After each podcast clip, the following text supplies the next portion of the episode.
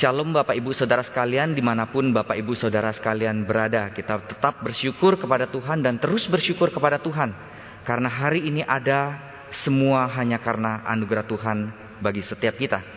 Saya mengajak setiap Bapak Ibu sekalian boleh membuka Alkitab dan saya akan membacakan beberapa bagian firman Tuhan yang sudah saya siapkan malam hari ini. Yang pertama saya mengajak setiap kita boleh membuka dari Roma pasalnya yang pertama ayat yang ke-16 dan ayat yang ke-17. Saya akan bacakan untuk kita sekalian. Roma pasal yang pertama ayat 16 dan 17.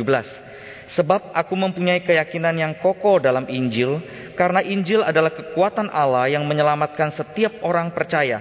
Pertama-tama orang Yahudi, tetapi juga orang Yunani.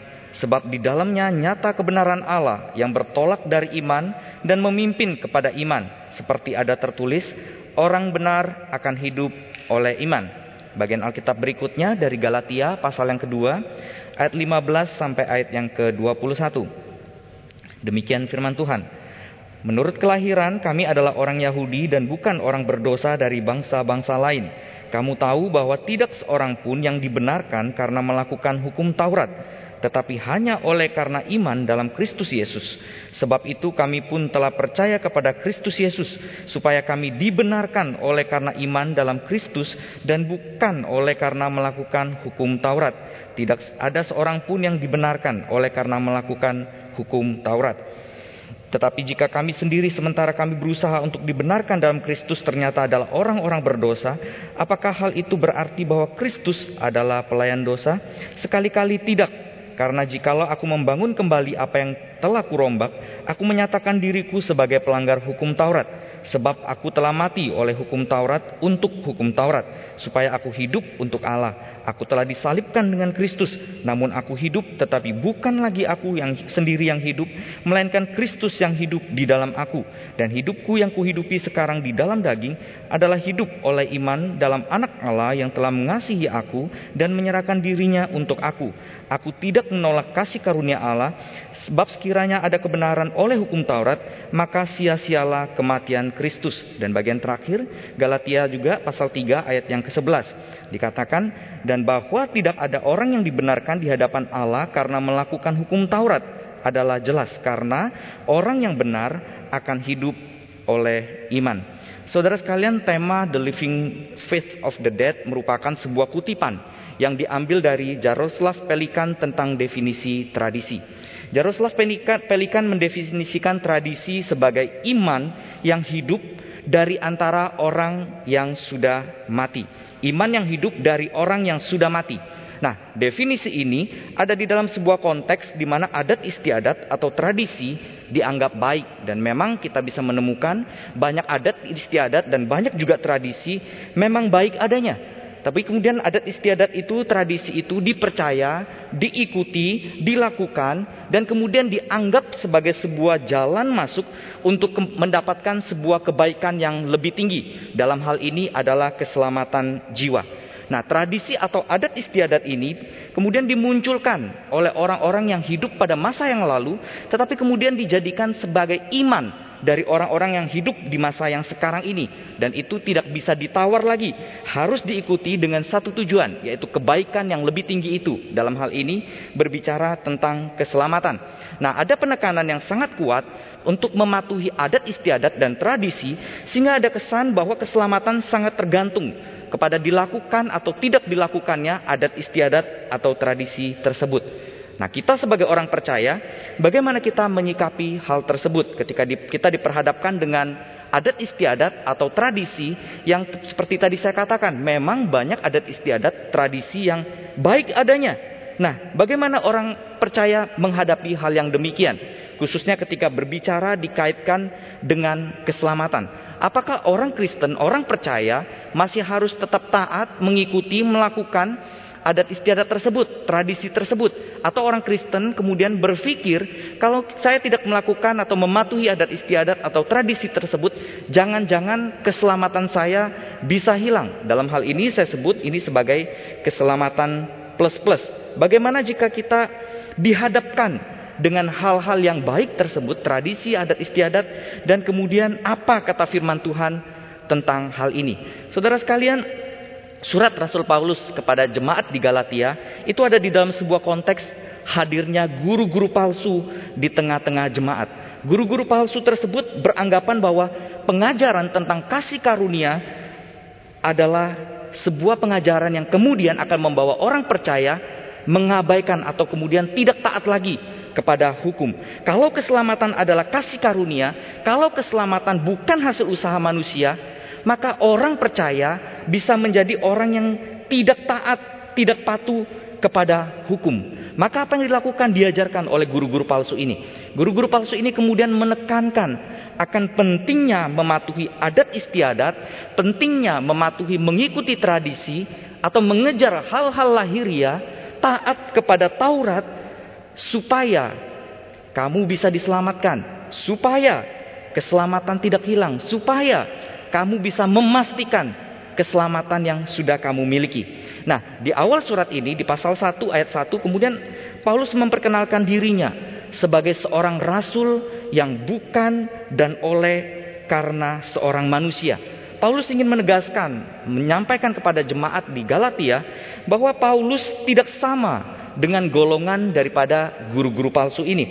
Nah, Paulus ingin mengajarkan mengatakan bahwa yang dia sampaikan nanti yang akan dia jabarkan di dalam surat Galatia ini adalah sebuah pengajaran yang benar-benar murni, pengajaran yang benar-benar datang daripada Kristus dan itu dia sebut sebagai Injil Yesus Kristus. Saudara sekalian, di sini Paulus kemudian mulai meletakkan kembali dasar daripada keselamatan orang-orang percaya. Maka di dalam pasal yang pertama, ayat yang ke-6, Paulus berkata, Aku heran bahwa kamu begitu lekas berbalik daripada dia yang oleh karena kasih karunia telah memanggil kamu dan mengikuti suatu Injil yang lain. Saudara sekalian, Paulus menegur mereka dan dia bingung kenapa orang percaya di Galatia lekas sangat cepat sekali berbalik daripada Injil Yesus Kristus. Makanya Paulus berkata, Injil yang aku sampaikan kepada kamu ini, yang sudah pernah aku sampaikan dan akan kusampaikan ini berbeda dengan Injil manusia. Injil yang disampaikan oleh Paulus bukan dibuat menyesuaikan dengan keinginan dan kehendak hati seorang manusia. Injil yang Paulus katakan adalah Injil yang adalah kekuatan Allah yang kuasanya itu efektif menyelamatkan semua orang. Dikatakan baik itu orang Yahudi, baik itu orang non-Yahudi. Injil yang cukup pada dirinya sendiri. Injil yang tidak perlu ditambah-tambahkan lagi dengan hal-hal yang lain. Injil yang tidak bisa ditawar-tawar lagi. Inilah Injil yang disampaikan oleh Rasul Paulus. Paulus menyampaikan juga bahwa Injil ini adalah Injil yang bukan saja dia sudah terima, tetapi juga mengubah hidupnya begitu rupa Ya, dia yang dulu adalah penganiaya jemaat, sekarang adalah Rasul Kristus. Dia yang adalah dulu seorang yang sangat menjunjung tinggi Taurat, memelihara hukum Taurat, mematuhi hukum Taurat sedemikian rupa dan dia bahkan membunuh orang orang-orang percaya atas nama Taurat. Tetapi sekarang dia adalah orang yang mengabarkan Injil itu, yang bahkan demi Taurat, demi Injil itu dia rela menyerahkan nyawanya demi pemberitaan Injil itu bisa disampaikan kepada lebih banyak orang lagi. Saudara sekalian, di surat Galatia ini Paulus banyak bicara tentang iman dan perbuatan. Secara khusus di pasal yang kedua ayat 15 sampai nanti pasal 3 ayat 14, Paulus berbicara tentang iman dalam kaitannya dengan adat istiadat atau lebih tepatnya hukum Taurat. Nah, Paulus menyampaikan bahwa Injil kabar baik itu yaitu keselamatan di dalam Kristus Yesus itu hanya diperoleh di dalam iman kepada Kristus, bukan dan tanpa usaha daripada seorang manusia, bukan juga karena seseorang itu sudah dengan sempurna mematuhi hukum Taurat. Nah, Injil itu diberikan kepada manusia sebagai kasih karunia daripada Allah, dan Injil itu hanya didapatkan melalui iman kepada Yesus Kristus. Nah, kalau kita ingat, salah satu slogan daripada reformasi adalah sola fide. True faith alone. Nah, kata alone atau hanya ini sangat penting. Karena benar seperti yang Paulus sampaikan bahwa keselamatan itu hanya diperoleh melalui iman. Hanya dan hanya oleh iman. bukan keselamatan plus-plus. Plus usaha manusia, plus melakukan perbuatan baik, plus melakukan adat istiadat, patuh kepada tradisi, atau dengan sempurna mematuhi hukum Taurat. Nah, keselamatan yang diperoleh ini hanya melalui iman kepada Yesus Kristus. Nah, maka sesuai dengan apa yang tadi saya bacakan di kitab Roma pasal yang pertama ayat ke-6 16 17 dikatakan keselamatan seorang percaya itu sangat unik karena dia berangkat dari iman dan menuju kepada iman from faith to faith. Berangkatnya dari iman menuju kepada iman. Nah inilah yang secara unik kemudian membedakan antara kekristenan dengan agama atau kepercayaan yang lain. Nah mengapa iman penting dan mengapa hanya melalui iman? Dikatakan di dalam pasal 2 ayat 16 kitab Galatia, dikatakan bahwa tidak ada satu orang pun yang dibenarkan karena mereka melakukan hukum Taurat. Di kitab Roma diulang juga berkali-kali. Tidak ada satu orang pun dibenarkan karena melakukan hukum Taurat. Nah, kalau dikaitkan dengan Roma pasal 3 ayat 23 yang mengatakan bahwa semua manusia itu sudah berdosa. Semua manusia sudah kehilangan kemuliaan, kemuliaan Allah. Dengan demikian menunjukkan bahwa semua orang tanpa kecuali, entah dia orang Yahudi, entah dia orang Yunani, semuanya itu ada di bawah kuasa dosa. Nah, maka sementara manusia itu berstatus sebagai pendosa, aktus atau habitusnya, kebiasaannya semata-mata hanya berbuahkan dosa. Setelah manusia jatuh ke dalam dosa, manusia itu non pose non pekare, tidak mungkin tidak berbuat dosa. Segala kecenderungan hatinya, pikirannya, perbuatannya, perkataannya hanya berbuahkan dosa. Sekalipun itu tampaknya seperti sebuah perbuatan yang baik. Nah, di sini manusia melakukan mencoba melakukan perbuatan baik, tapi tidak mengerjakan apa-apa, tidak menghasilkan apa-apa. Karena satu dosa saja kita tahu itu sudah mencemari semua perbuatan baik manusia. Nah, maka Alkitab bilang kesalehan daripada seorang manusia berdosa itu tetap saja seperti kain kotor di hadapan Tuhan. Nah, sekalipun ada manusia yang bisa dengan sempurna taat kepada Taurat, kita tidak ketemu gitu ya, kita tidak ada, kita tidak mendapatkannya. Tapi tetap saja manusia itu adalah manusia yang berdosa secara status. Sehingga kita dapat menyimpulkan, tidak ada satu usaha pun dari manusia yang akhirnya membuat manusia itu disebut sebagai seseorang yang layak dan dia bisa atau harus diselamatkan.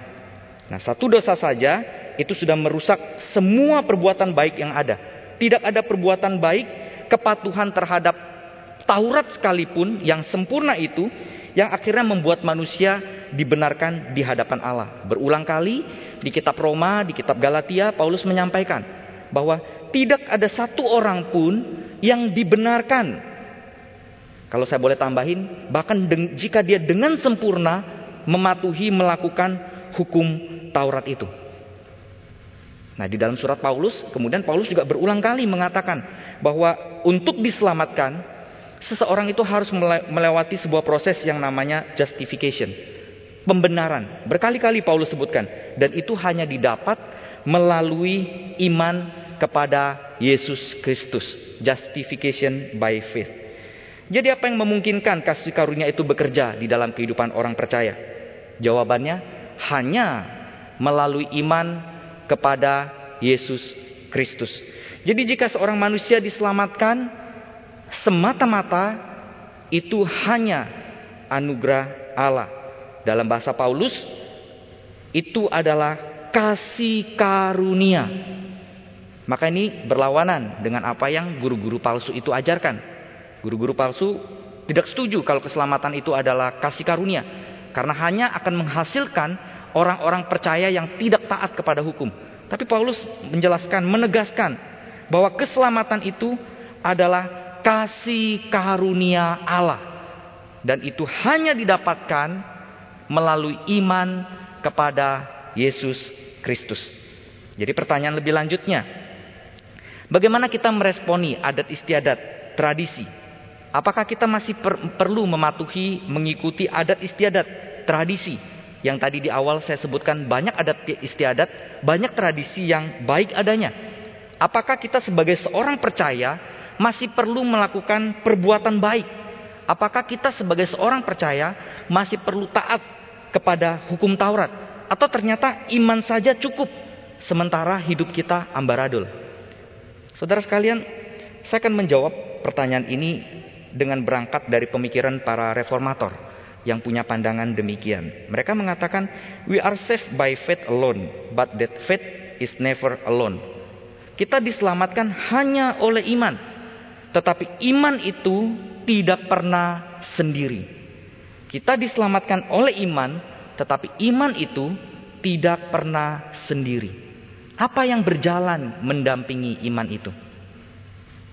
Saudara, Paulus setelah dia menjelaskan tentang iman, kemudian di bagian kitab Galatia, di bagian berikutnya, karena saudara-saudara boleh ingat, di bagian paling akhir setidaknya, Paulus menyebutkan tentang buah roh. Artinya apa saudara? Artinya ada hal yang tampak dari seorang yang sudah punya iman kepada Kristus. Yaitu sebuah kehidupan yang berbeda dengan kehidupan yang sebelumnya. Kehidupan yang diubahkan, kehidupan yang berbuah, kehidupan yang menunjukkan perbuatan-perbuatan baik. Jadi saudara, waktu kita, walau kita tahu proses itu, akan terus berjalan seumur hidup kita sampai kepada kesempurnaan. Tetapi inilah paketnya. Ada iman, ada buah. Ada iman, ada perbuatan. Nah ini sama dengan apa yang kita Paulus sampaikan. Kitab Yakobus sampaikan. Di kitab Yakobus dikatakan iman itu ada, perbuatan itu juga harus ada. Iman tanpa perbuatan pada hakikatnya mati. Dan dikatakan di dalam kitab Yakobus, iman itu bekerja sama dengan perbuatan. Dan oleh perbuatan itu, iman menjadi sempurna. Nah, bagaimana kemudian jika iman itu diperhadapkan dengan tradisi, adat istiadat, hukum Taurat yang baik itu? Apakah kita sebagai orang percaya perlu tetap mengikutinya? Jadi apa yang membedakan perbuatan baik tanda kutip seorang yang percaya dengan seorang yang tidak percaya di dalam konteks the problem of good di mana semua orang entah itu orang percaya entah itu orang tidak percaya semua orang melakukan perbuatan yang baik. Semua orang mentaati hukum mematuhi adat istiadat mematuhi tradisi. Nah di sini kita perlu sangat berhati-hati karena sering kali kita sebagai orang percaya pun kita terjebak melakukan perbuatan baik, mengejar perbuatan moral sama seperti orang tidak percaya lainnya, tapi kita tidak punya pemahaman yang benar tentang perbuatan baik atau tentang moral yang kita lakukan. Jadi kita perlu sangat hati-hati sekali saudara.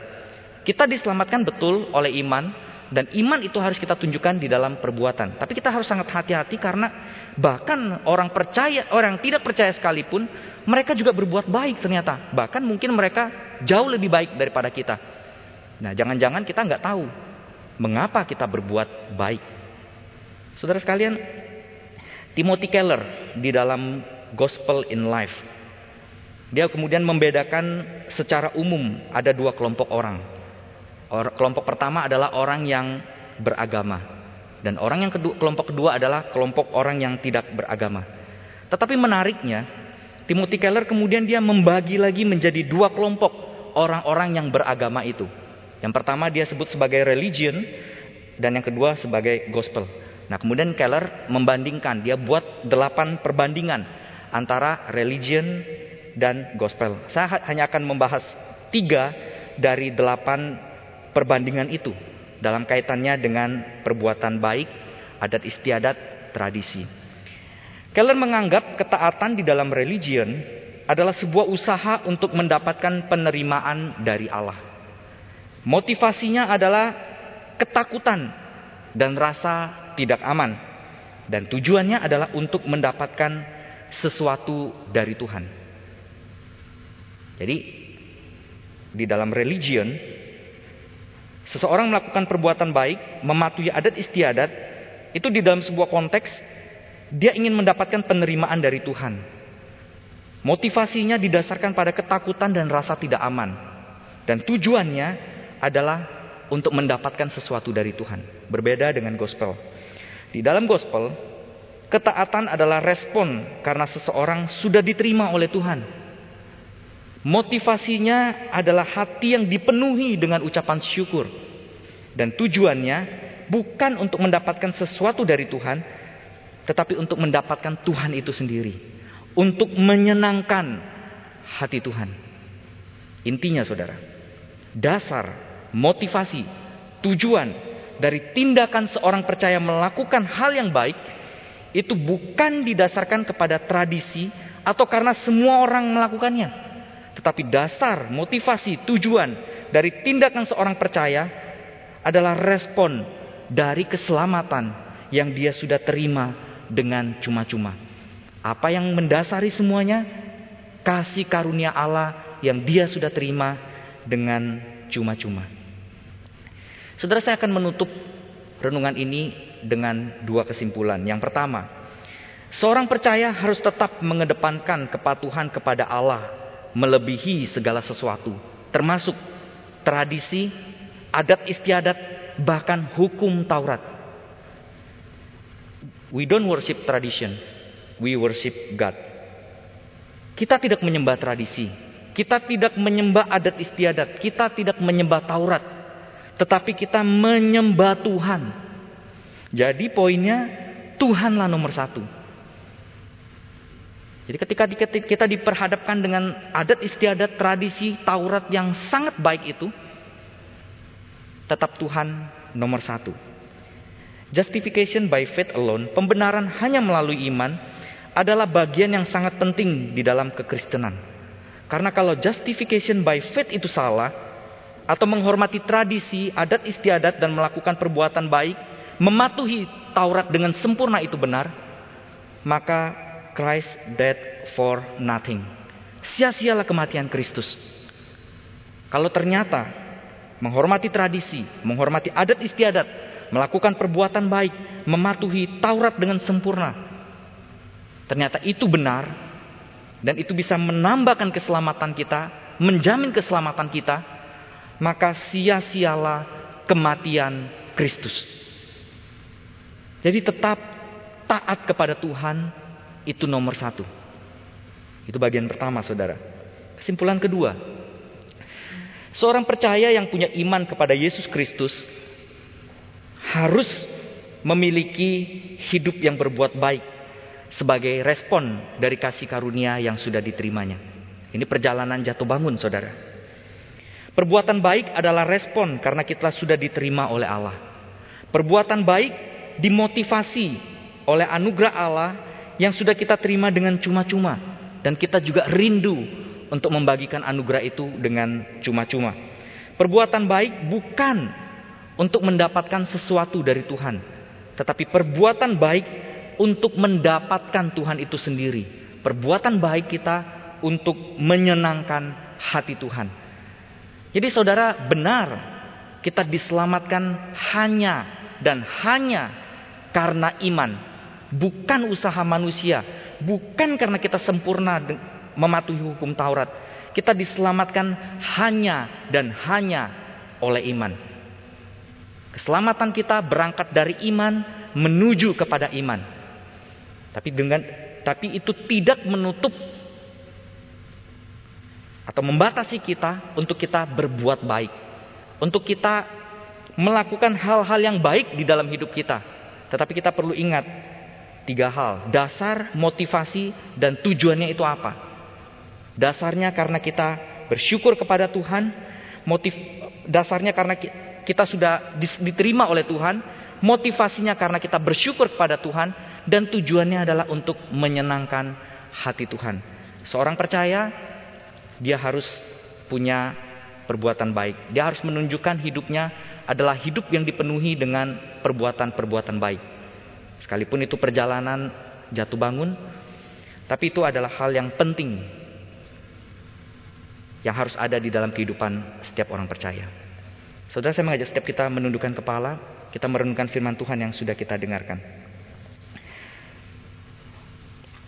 Justification by faith alone, pembenaran hanya melalui iman, adalah bagian yang sangat penting dalam hidup percaya kita.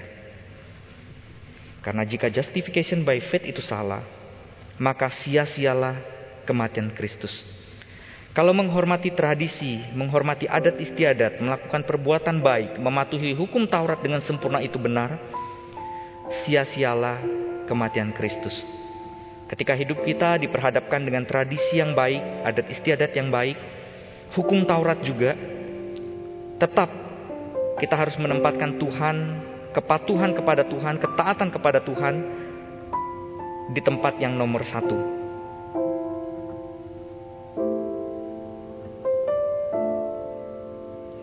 Dan iman percaya kita dikatakan iman tanpa perbuatan pada hakikatnya adalah mati. Iman harus disertai dengan perbuatan. Iman bekerja sama dengan perbuatan. Dan itu menjadikan iman itu sempurna. Biar Tuhan yang menolong setiap kita. Kita punya iman di dalam Kristus. Itu adalah kasih karunia Allah bagi kita. Kita punya perbuatan baik. Itu karena Allah yang memampukan setiap kita.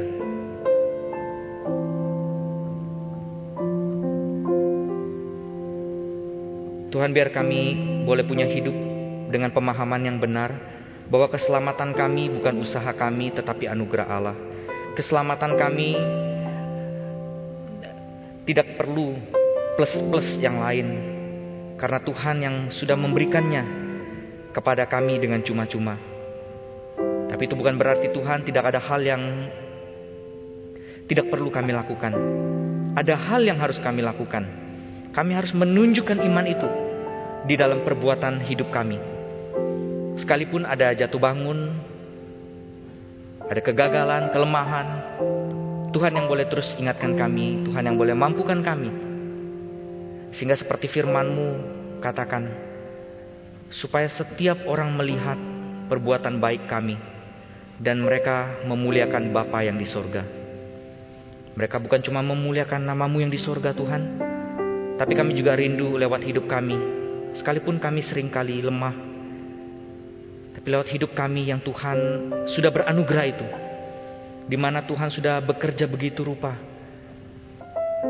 Kami boleh membawa orang lain datang percaya kepada Tuhan. Tuhan tolong setiap kami. Tuhan memberkati setiap kami. Terima kasih Tuhan untuk firman-Mu. Materaikan dalam hati kami. Mampukan kami untuk melakukannya dalam hidup kami. Demi Kristus Yesus, kami berdoa dan kami mengucap syukur. Amin. Kebaktian doa selesai. Saudara sekalian silakan mengambil waktu teduh. Tuhan memberkati kita semua.